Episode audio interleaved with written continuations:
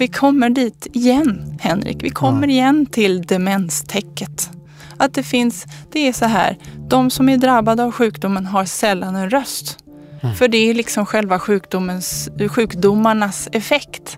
Att man tappar sin förmåga att göra sig hörd. Mm. Eh, och nummer två är att de anhöriga eller närstående, när de väl förstår vad som händer och vad de här sjukdomarna gör, så är man helt slut och har så mycket med att bara få tag på en biståndsanläggare eller få igenom ett beslut eller få hjälp och stöd. Så de har inte heller någon stark röst. Så det, det märks liksom inte och det är därför jag blir så eh, Ja, jag vill verkligen jobba för, vi har verktygen, vi har ett diagnosverktyg som pratar om sjukdomar, inte demens. Du sitter framför din läkare och ska få din dom.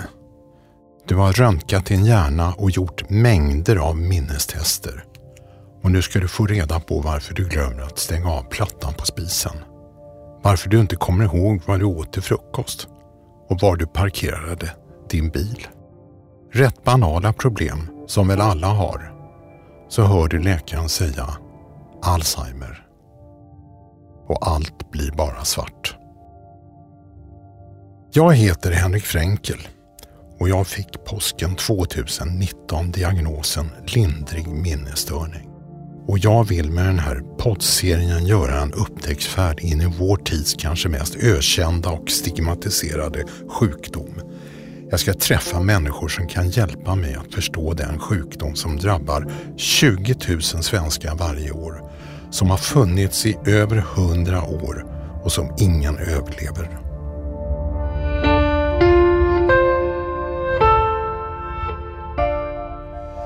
Välkommen Moa Wibom, överläkare vid Ängelholms sjukhus och specialiserad på kognitiva sjukdomar. Hej! Tackar, hej!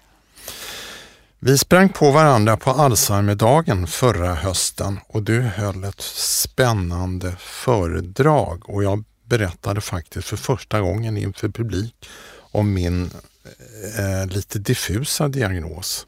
Kommer du ihåg den här dagen? Mycket väl. Varför det? Dels för att jag blev så glad över att någon kommer och berättar mm. och kliver fram och eh, också osäkerheten kring din diagnos. Mm. Just för att det är i tidigt skede väldigt svårt. Mm. Du skrev efteråt ett väldigt uppskattande mejl till mig som gjorde mig glad. Och sedan dess har vi haft eh, mycket mejlkontakt. Eh, ibland har jag fått långa mejl från dig där du kokat av raseri över vården av Alzheimersjuka. Och det är det vi ska ta upp här i den här podden och i det här samtalet. Oj då. Men först, hur är det att driva en specialistmottagning för kognitivt sjuka i de här coronatiderna? Ehm, det är en utmaning förstås, men det är alltid en utmaning för oss. Mm. Men varför det? Varför just nu? Just nu för att väldigt många sitter hemma och har det kämpigt. Eh, vi räcker inte till. Vi är extremt otillräckliga. Mm. Och det brukar vi ju alltid vara på något vis, åtminstone där vi är, för vi är inte tillräckligt bemannade. Eh, det är svårt att gehör, få gehör förstås. Men eh, idag är det ju också så att de som sitter hemma, både de som är sjuka och de som är anhöriga och närstående, de har det tungt. Mm. De har det väldigt tungt. Det finns inga dagverksamheter som är igång. Eh, man försöker hitta olika lösningar. Vissa kommuner skickar hem sin dagverksamhetspersonal för att ha några timmar i alla fall. Men eh, framförallt de närstående går ju lite på knäna. Hur känns det för, för dig som läkare att se det här?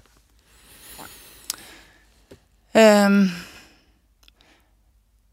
jag tycker ju att det från början är väldigt sorgligt att vi inte alla får chansen att både få en korrekt utredning i korrekt tid eh, och att vi får hjälpen därefter.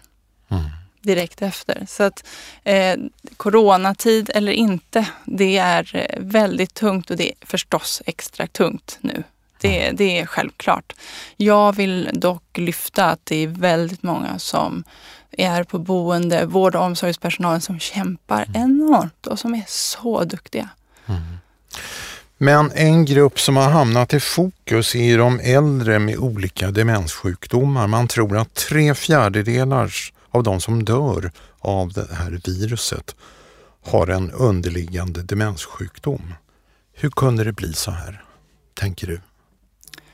Jag tänker att de personerna är väldigt sjuka. Mm.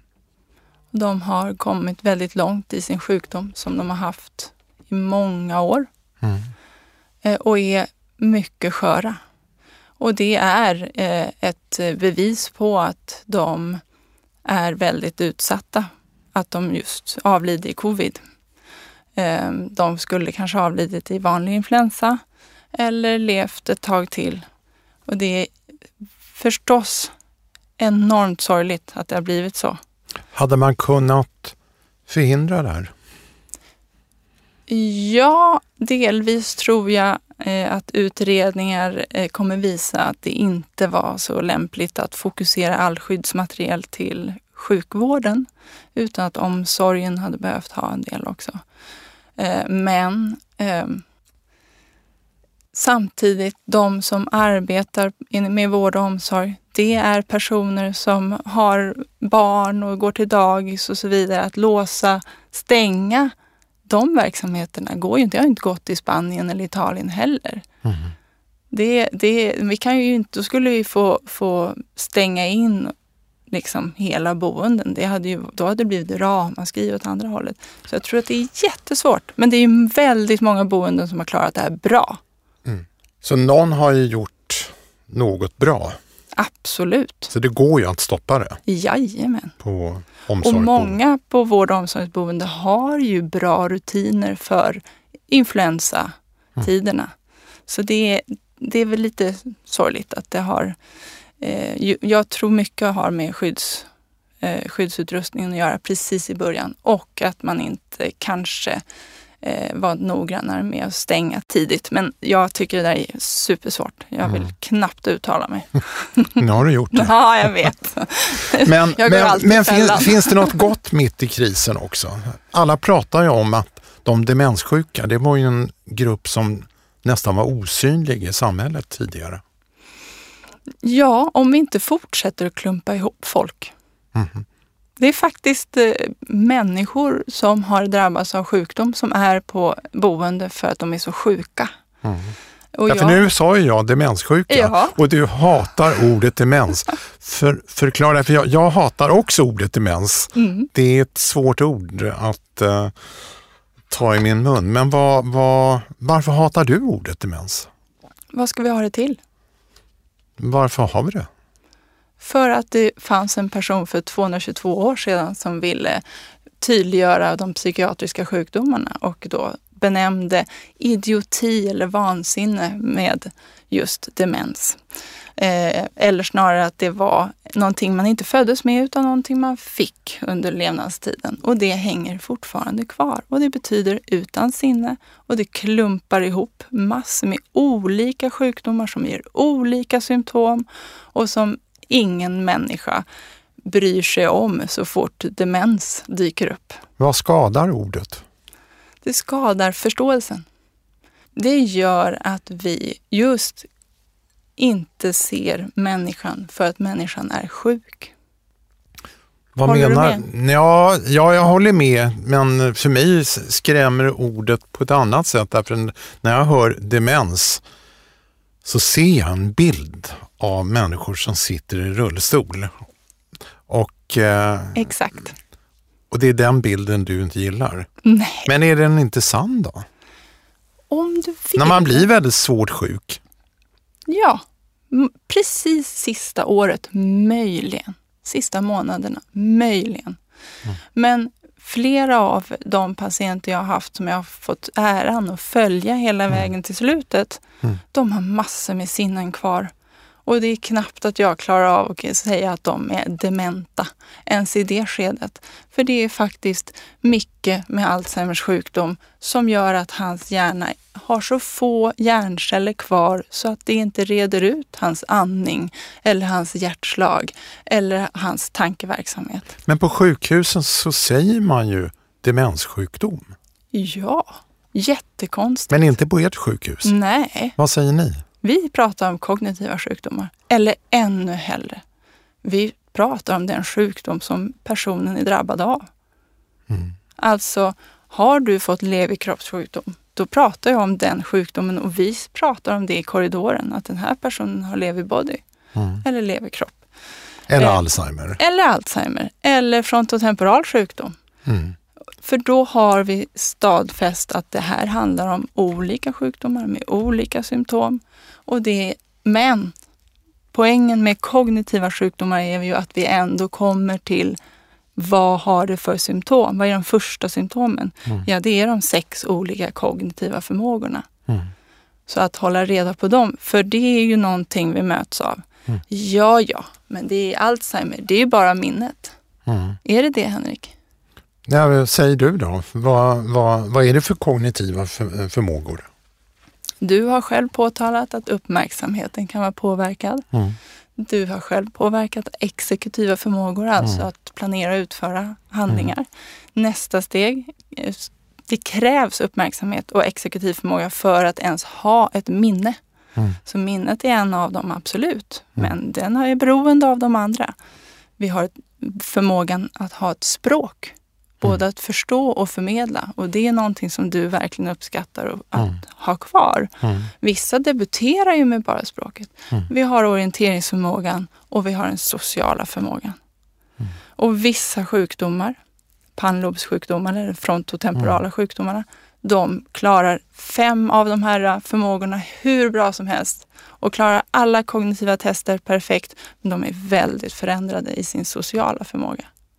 Och det skapar stora svårigheter i samhället. Men om vi tittar på de här fyra olika eh, kognitiva sjukdomarna. Den vanligaste är ju Alzheimer. Vad, vad är de vanligaste symptomen? Är det de här sex som du nämnde? Den vanligaste är ju minnet. minnet. Mm. Men sen kommer ju ofta exekutiv förmåga, orientering eller språk.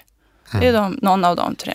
Medan om vi pratar om leverkroppssjukdomen, mm. den, där har många väldigt bra minne länge. Men däremot har orienteringsförmågan eller förmågan att inta rätt kroppsläge. Man mm. sätter sig fel på stolen. Eller att hålla reda på siffror. För det är mm. också en orienterings, det är en visuspatial förmåga. Mm. Det kan ha börjat långt innan du ens är i närheten av att ha några minnessvårigheter. Och pannlobsdemens? Det är den sociala personligheten, ohämmad, lättare att bli irriterad, aggressiv. Hur känns det för barnet som blir hämtad i skolan av sin pappa och pappa säger vilken sexig kjol du har mm. till barnets kompis. Mm. Fastän man egentligen kanske menade snygg kjol, men övergången där är, det är en distanslöshet. Det blir jätte jättekonstigt och jätteläskigt och märkligt och så pratar vi inte ens om det. Och det är en gravt förändrad personlighet också? Jajamän. Mm. Och det kan också bli en initiativlöshet som, som går ut över, eh, över personligheten under många år innan man väl faktiskt tar tag i det. Mm. Och sen den fjärde formen som man nästan inte alls pratar om, vaskulär sjukdom mm. eller vaskulär demens. Mm, eller sjukdom. Okej, okay. jag vågar För, knappt ta ordet demens ja, i min mun. Ja, men poängen är ju just att vi är sjuka så länge. Mm. Om, vi, om vi nu ska prata om demens, ja då är det sista minuterna mm. Men på vaskulär sjukdom. Vaskulär sjukdom, eh, det är ju kärlrelaterat hjärt-kärlsjukdomar. Ofta har du ett högt blodtryck sedan innan. Du kanske haft någon stroke, antingen som du inte märkt av eller som mm. du märkt av. Eller många mini-mini proppar i hjärnan som har påverkat din hjärnas förmåga. Och blandformerna finns ju också. Mm. Du har både Alzheimer och vaskulär sjukdom, väldigt vanligt. Men du kan också ha blandformer av de övriga. Mm. Så det är ju väldigt spännande, Henrik. Vad är det som händer i varje människas hjärna och vad har vi för någonting i bagaget när vi kommer till mig? Vi ska titta in i bagaget och i hjärnan om en stund. Vi ska göra ett kort avbrott när jag ska samtala med Liselott Jansson, generalsekreterare på Alzheimerfonden.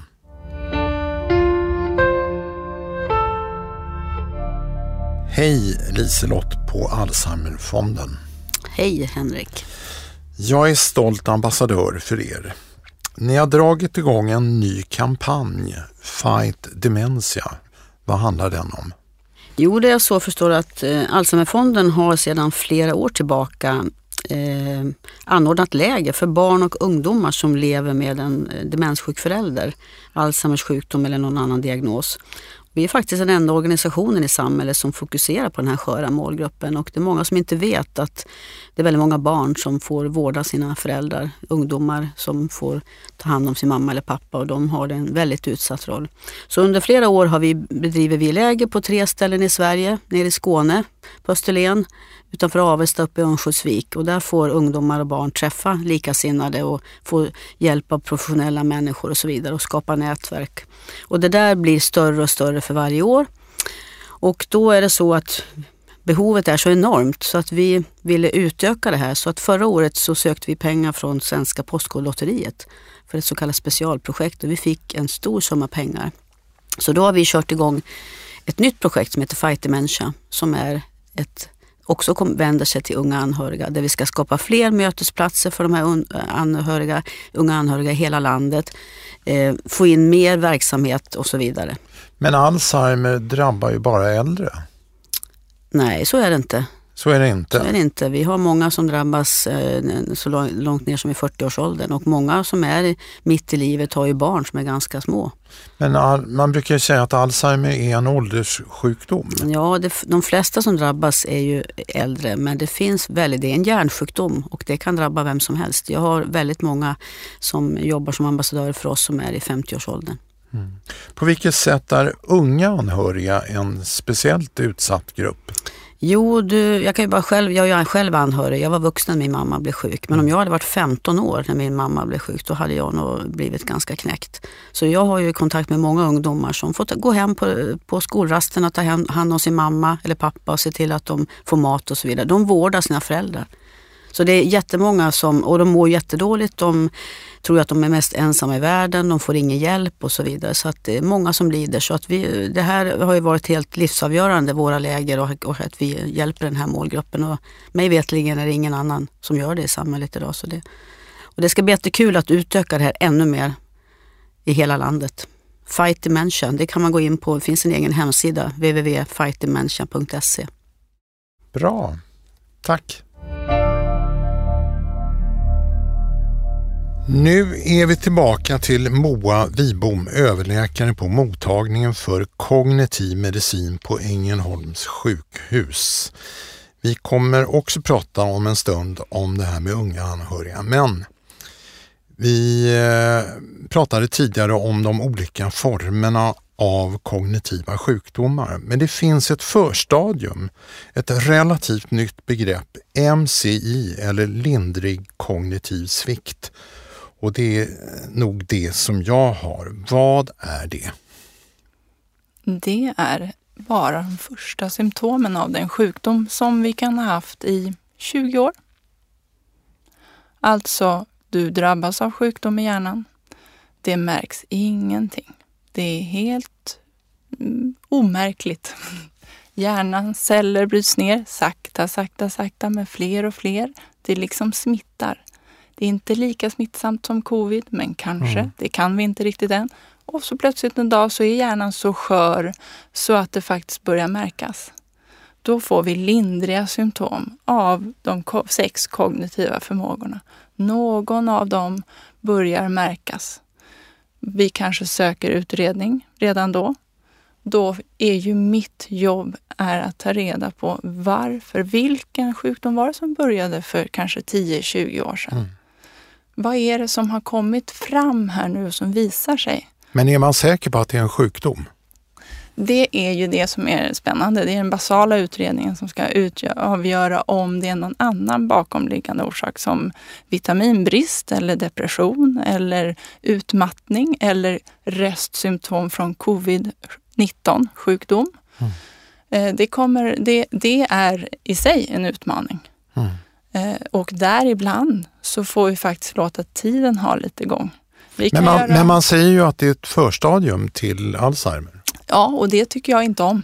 För att? För att ett förstadium, om du har haft Alzheimers sjukdom i 20-30 år, det här är Henrik Zetterberg helt med på och mm. egentligen alla de forskare du träffat. Professor i Göteborg. Precis. Mm. Alla de jätteskickliga personer du har träffat mm. som forskar kring det här, de vet ju att den här sjukdomen kommer ju inte pang, utan den har funnits i kanske ännu längre tillbaka. Mm. Och så plötsligt, så att, att prata om förstadier, jag säger alltid till mina patienter att jag misstänker starkt, du har en sannolik Alzheimers sjuka och det är det som orsakar att du mm. förlägger dina nycklar eller har alla de här andra symptomen. Mm. Eh, du möter ju patienter varje dag och det är patienter som du ger diagnosen Alzheimers sjukdom ibland. Hur reagerar de när du säger det? Väldigt olika. Mm. Hur säger du det? Jag brukar ha pratat redan i, innan om vad det kan röra sig om. Mm. Um, jag talar om vad ryggvätskeprovet visar. Det visar inga, infek inga infektioner, ingen inflammation, inga tecken till hjärncellsnedbrytning på grund av kärlsjuka till exempel. Mm. Men däremot så finns det tecken till Alzheimers sjukdom och det mm. stämmer ganska bra med den bild vi har fått från din kognitiva testning. Och vad säger patienten? Vad eh. ser du händer med patienten först? I vissa fall, när man kommer lite senare och inte har så mycket insikt, så händer faktiskt ingenting. Utan det är jaha, det var det. Däremot så kan den närstående som är med faktiskt helt bryta ihop. För mm. det fanns ett hopp fortfarande om att det här var någonting som var botbart. Mm. Eh, men i många fall så blir det ju förstås en chock. Men det är som att man har förberett sig lite grann. Det är sällan det blir så starkt så att det blir en, en svår reaktion så att säga. Och vi, vi försöker Men en prata chock, vidare. I en chock så kan man ju dölja sin reaktion. Absolut. Och så kommer chocken i efterhand istället. Jajamän. Ja.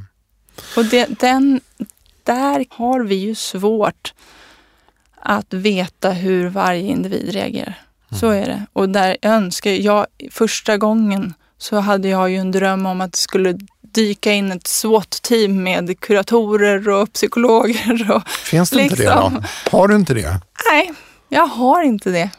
Nej. Okej, patienten har fått en diagnos. Vi säger att diagnosen är Alzheimers sjukdom eller trolig, därför att man kan ju inte veta. Och idag finns det bara så kallad symptomlindrande medicin. Vilka får den medicinen? Hos oss får alla som uppfyller kriterierna för Alzheimers sjukdom. Det vill säga inte mild demens eller måttlig demens eller svår demens, för det är helt ovidkommande. Mm. Det är så. Ser vi att du har Alzheimers sjukdom så pass att vi har en, en kognitiv svikt mm. plus något annat resultat, om det är en MR-hjärna eller ryggvätskeprov mm. eller en PET-undersökning som talar för att det stämmer. Det viktigaste är dock alltid, vad har du berättat för mig? Mm. Hur är din levnadshistoria? Mm. Kan jag se det här förloppet som är så karaktäristiskt för mm. den här sjukdomen? Mm. Då sätter vi in behandling eh, och så ser vi om vi får lite bättre livskvalitet kanske. Mm. Men oftast är det ju inte att vi ser en bättring direkt, utan det är i det långa loppet som vi kan få folk att må lite bättre. Okej, okay, då har du den där pillerburken då med eh, symptomlindrande medicin. Vad kan du göra i övrigt? Ärligt talat. Ärligt talat är jag bara nu så glad över att vi åtminstone har 80 procent kuratorsverksamhet på 300 000 invånare i nordvästra Skåne. Så att mm. vi har faktiskt just lagt in en rutin om att våra kuratorer ringer efter en vecka eller två och erbjuder både, både kuratorssamtal till anhöriga till patient, förstås patient i första hand. Eh, och sen eh, får man se hur det tas emot. Så det är jag väldigt glad för, men det ju, känns väldigt otillräckligt. Mm. Och det är väldigt irriterande att det ska vara så. Att vi inte har tillgång till just eh, gruppverksamhet, hjärnskola, kognitionsskola tycker mm. jag förstås. Så att man får lära sig de olika eh, förmågorna och vad är just min eh, svikt någonstans och hur kan jag hitta för strategier för att hjälpa det under några år framöver tills jag faktiskt kanske inte reder ut det längre. Men jag kan ju få hjälp här och nu. Det här är ju en av mina käpphästar som du har förstått. Jag har ju skrivit om det här i min blogg och du skrev i ett mejl till mig i vintras så här, och nu ska jag citera dig. Vi känner oss oerhört citat nakna på mottagningen. Det enda vi idag kan säga är det här. Hej! Jag har gjort en gedigen utredning av din hjärna och den håller på att förtvina i en sjukdom som vi inte kan bota eller bromsa. Men här har du en symptomlindrande medicin och ett kort till vår kurator och så ses vi om ett halvår. Hej då! Det känns ju sådär faktiskt. Så skrev du. Mm. Vad tänker du om det idag? Ja, det är helt korrekt. Jag är bara glad att jag kan lägga till den här kuratorn lite, lite mer på rutin. Nej, det är ju, alltså, tänk efter. Alltså, man, ja, man har ju jobbat i olika verksamheter där det liksom, och så jämför man liksom med andra sjukdomar. Och vi kommer dit igen, Henrik. Vi kommer igen till demenstäcket. Att det finns, det är så här, de som är drabbade av sjukdomen har sällan en röst. Mm. För det är liksom själva sjukdomens, sjukdomarnas effekt att man tappar sin förmåga att göra sig hörd. Mm. Eh, och nummer två är att de anhöriga eller närstående, när de väl förstår vad som händer och vad de här sjukdomarna gör, så är man helt slut och har så mycket med att bara få tag på en biståndsanläggare eller få igenom ett beslut eller få hjälp och stöd. Så de har inte heller någon stark röst. Så det, det märks liksom inte och det är därför jag blir så eh, Ja, jag vill verkligen jobba för, vi har verktygen, vi har ett diagnosverktyg som pratar om sjukdomar, inte demens. Men vad, vad är drömmen? Vad skulle du vilja göra? När skulle du vara nöjd? Om du har en patient framför dig och kunde säga någonting hoppfullt, vad skulle du vilja säga då? Ehm, då skulle jag vilja säga att vi har ett smörgåsbord av olika eh, stödformer eller aktiviteter eh, som vi kan erbjuda här och nu. Eh, och det kan vara kopplat till din kommun om det är så, så att man får en naturlig övergång.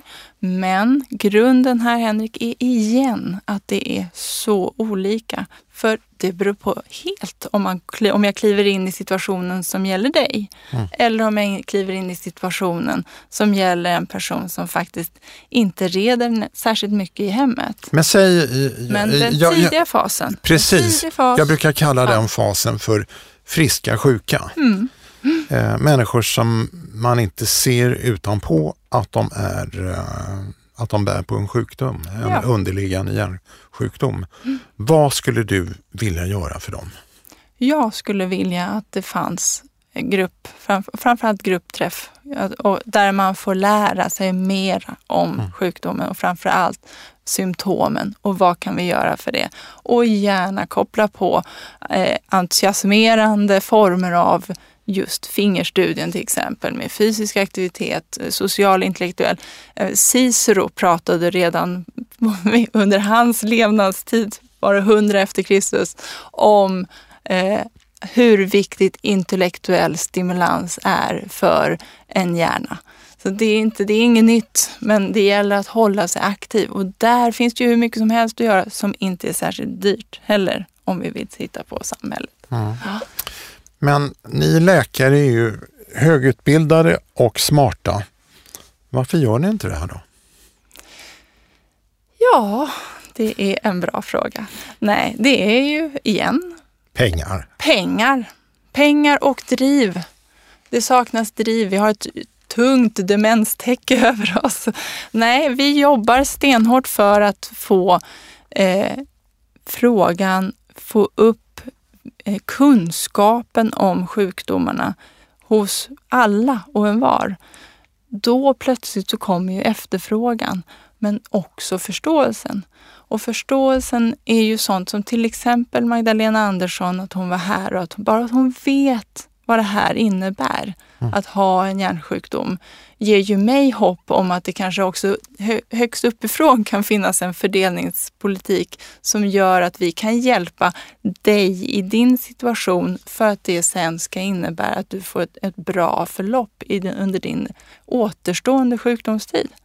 Men om man får cancer, då får man en individuell vårdplan. Mm. Eh, som inbegriper just det här smörgåsbordet som du pratar om. Ja. Den här sjukdomen, eh, Alzheimer och övriga kognitiva sjukdomar, är ett större problem i samhället eh, på alla sätt och vis, både mätt i antal människor och i kostnader för samhället.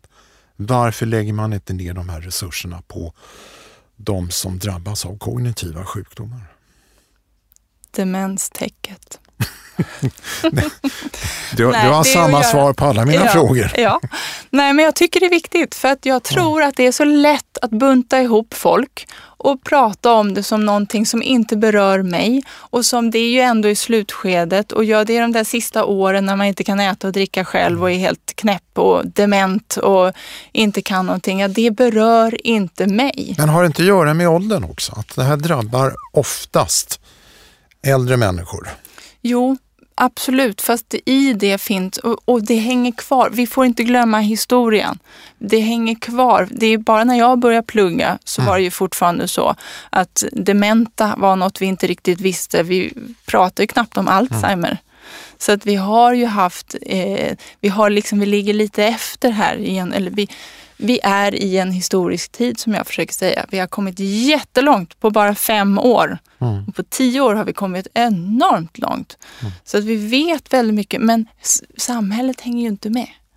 Och det är därför jag menar vi måste väck med, med ett begrepp som förmörkar och som skapar oklarhet och börja prata om respektive sjukdom. För vi är nere, du har redan varit nere med Henrik Zetterberg och pratat om undergrupper till Alzheimers sjukdom. Och hur ska samhället hänga med om vi inte ens, om, om vi buntar ihop allt? Hur ska vi kunna hänga med i att vi faktiskt snart kommer att ha en väldigt 20-25 olika sjukdomar? Det har vi redan idag. En, Som man inte upptäckt. nej, som vi kan. Alltså i mitt vardagliga jobb så sitter jag och skiljer ut en pannlobssjukdom till exempel har massor med olika undergrupper. Där en undergrupp, eller som är en släkting till, är ALS. Vad vet du om ALS Henrik? Att den är läskig. Ja, och samhället kan massor. Samhället var ute och slängt såna här ishinkar över huvudet och vi vet allt om ALS. Men det är mycket vanligare att få en pannlobssjukdom, men de finns i samma genetiska träd. Jag nämnde alldeles nyss att eh, det här är en sjukdom som drabbar äldre. Men det är ju inte riktigt sant därför att det drabbar även människor mitt i livet. Jag har haft flera som har vittnat om det i min podd. Och eh, de som blir anhöriga till människor mitt i livet, det är de unga, det är barnen. Mhm. Och du har eh, ömmat, eller du ömmar eh, dig lite speciellt för de unga anhöriga. Och vi hörde tidigare här i podden Liselott Jansson från Alzheimerfonden prata om det också. Varför är det ett speciellt stigma för de unga anhöriga? Därför att de är extremt utsatta, bland annat just för att de, vi sviker dem. Varför? De kan inte ens prata om sin förälders sjukdom. Varför inte det? Därför att det, om du säger, det här är citat från, från lägret i somras. Mm. Anna som är 18 tror jag, beskriver för, för de andra. Eh, ja, så eh, om jag ska berätta för någon kompis förälder så säger man, ja min mamma har en demenssjukdom. Ja, ja, vad skönt, då är det inte Alzheimer. Eh, jo, det är Alzheimers sjukdom. Mm. Ja, ja, men då är det bara minnet. Eh, nej, det är allt annat än bara minnet. Eh, ja, ja, men eh, då är det i alla fall inte dödligt. Eh, jo, och så lägger hon till, det är inte så konstigt om man slutar prata. Jag slutar prata med folk för att folk inte vet och det gäller vårdpersonal också och det gäller oss alla nästan. Mm. Och det är ju just därför jag menar det är så viktigt att vi pratar om respektive sjukdom. Vi Du jobbar rätt. som, du nämnde läger, du Mm. jobbar som lägerledare för de unga Mm. anhöriga. Jag åker dit tillsammans med övrig. Det, det är fantastisk personal som arrangerar de här lägren. Det är demenssjuksköterskor och anhörigstödjare i respektive kommun. Så kommunerna har drivit det här jättelänge och jättebra. Så vi ska nämna dem också. Eh, Avesta framförallt ska ha en eloge för det. Mm. Sen kommer jag och är där en dag eller en- möjligen något dygn för att hänga med dem, men framförallt föreläsa och beskriva just symptomen. Och det är där jag får enorm energi. För att se det här gänget, de ungdomarna eller barnen, att förstå att det är långt mycket mer än just bara minnet. De kan plocka in, ja men då förstår jag varför du, för du pratade om din mamma förut och jag förstod inte, det var ju helt annat än det jag har. Och så kan vi beskriva vad som är skillnaden mellan dem och vi kan liksom ge dem ett språk att kommunicera med varandra. Och för första gången kanske så får de prata om, om sina föräldrars sjukdomar. Ja, och de får träffa andra som sitter och känner likadant. Jag önskar att min förälder hade cancer istället. Jag önskar att min förälder dog så jag slapp vara med om det här. Eh, och så får man jättestor skuldkänslor, för så får man ju inte säga. Och man kanske till och med möter kuratorer eller liknande, andra människor som säger så får man ju inte tänka. Nej, det går ju inte.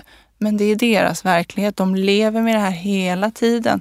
I ett barn har i snitt haft två och ett halvt år med symptom hos sin förälder innan diagnos. De Mm. Det är är lång- helt, det är, det är lång- lång tid, så för dem när det väl blir en diagnos, är det ju, pff, ja det säger ju ingenting. De vet bara att deras förälder är sjuk. Mm. Om de ens har förstått det och är de tillräckligt små så kanske den förälderns agerande Mm. är normalitet för dem. Moa, Mm. eh, tiden går. Vi ska försöka runda av. Eh, Men först, jag brukar fråga mina gäster här i podden, eh, ni som jobbar med Alzheimers och liknande sjukdomar. Ni är läkare och ni är forskare. Och ni är rätt många vid det här laget som har varit med i den här podden. Jag frågar dem, hur skulle du känna om du själv fick diagnosen Alzheimer? Har du tänkt den tanken? Ja, det är ganska ofrånkomligt. Mm. Och? Och då tänker jag så här att jaha, jag tror att jag först skulle tänka att ja, men då har jag haft den här sjukdomen rätt länge. För det är egentligen så att jag är ju 44 så det har nog kanske redan börjat hos mig Mm. nu. Ehm, Men jag kan inte på något vis fantisera över hur jag skulle reagera. Jag kan faktiskt inte det. Jag Du- tror att jag förstås skulle bli förkrossad men jag vet inte på vilket sätt. Du har ju själv nämnt att eh, i den sjukdomen Alzheimer så tappar man successivt flera av sina förmågor och hjärncellerna skrumpnar. Vilket tapp av förmåga skrämmer dig mest? Jag tror att det är samma som du. Nej, Tappa Det- kontrollen, nej språket. språket. Mm. Eh, Men eh, å andra sidan är den sociala förmågan väldigt viktig för mig. Så det är eh, ju också en, att förändras i sin personlighet. Det är Mm. också väldigt skrämmande. Men gör man det så är det ofta så att förmågan till insikt redan har försvunnit. Mm. Så då är jag förhoppningsvis olyckligt omedveten om Mm. vad det har ställt till. Ska vi avsluta med något hoppgivande? Vad, vad, vad kan man ge för hopp till den som får en diagnos? En Alzheimer-diagnos? Bra år framöver om vi har kommit in i tid. Och vad innebär bra år? Att fortsätta stimulera sig, att fortsätta leva ganska oförändrat. Det kommer inte komma en, en dusch i övermorgon då du plötsligt är jättedålig. Utan du har tid på dig, du kan göra många saker. Eh, du kan förbereda dig på olika sätt eller bara fortsätta leva precis som du gör nu. Det är väl det som är skillnaden lite grann. Du kommer inte ha ont, det är min, inte troligt. Eh, du kommer kanske inte ha insikt heller om att det är så himla svårt och Mm. besvärligt. Och det är ju någonting som kan vara skrämmande men det kan också vara en liten lindring. Ibland har jag ju patienter som har haft sett sin förälder och då kan man fråga, men din förälder, var, var, var hen väldigt plågad av sin sjukdom? Nej, hon trodde ju att hon var 25 och skulle ut och dansa och var, levde upp när de kom till boendet och så. Mm. Det, det, är, det är hemskt, men vi måste ju försöka hitta det som kan vara någon slags lindring i det här. Och så kanske det kommer en bromsmedicin. Ja, det är klart det gör det. Självklart. Det är bara frågan om när och då måste vi prata om sjukdomarna. Bra Moa, hur kändes det här då? Eh, ja, det kändes ju trevligt. Mm. Mm. Jo, men det känns bra. Jag har så mycket kvar. Det, jag kan tar, komma igen. det tar vi någon annan Ja, det gång. gör vi. Det är bra. Det låter bra. Tack Moa Wibom Tack och tack till alla er som har lyssnat.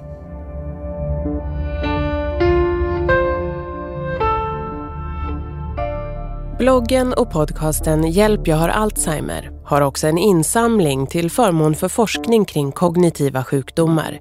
Ni hittar den på alzheimerfonden.se. Insamlingen stöds av Hemfrids ruttjänst Vardagsomsorg, en tjänst som förenklar vardagen för äldre och deras anhöriga. Gå in på hemfrid.se så får du veta mer. Podden Hjälp jag har Alzheimer produceras av Fränkel Media och görs på Beppo. Beppo.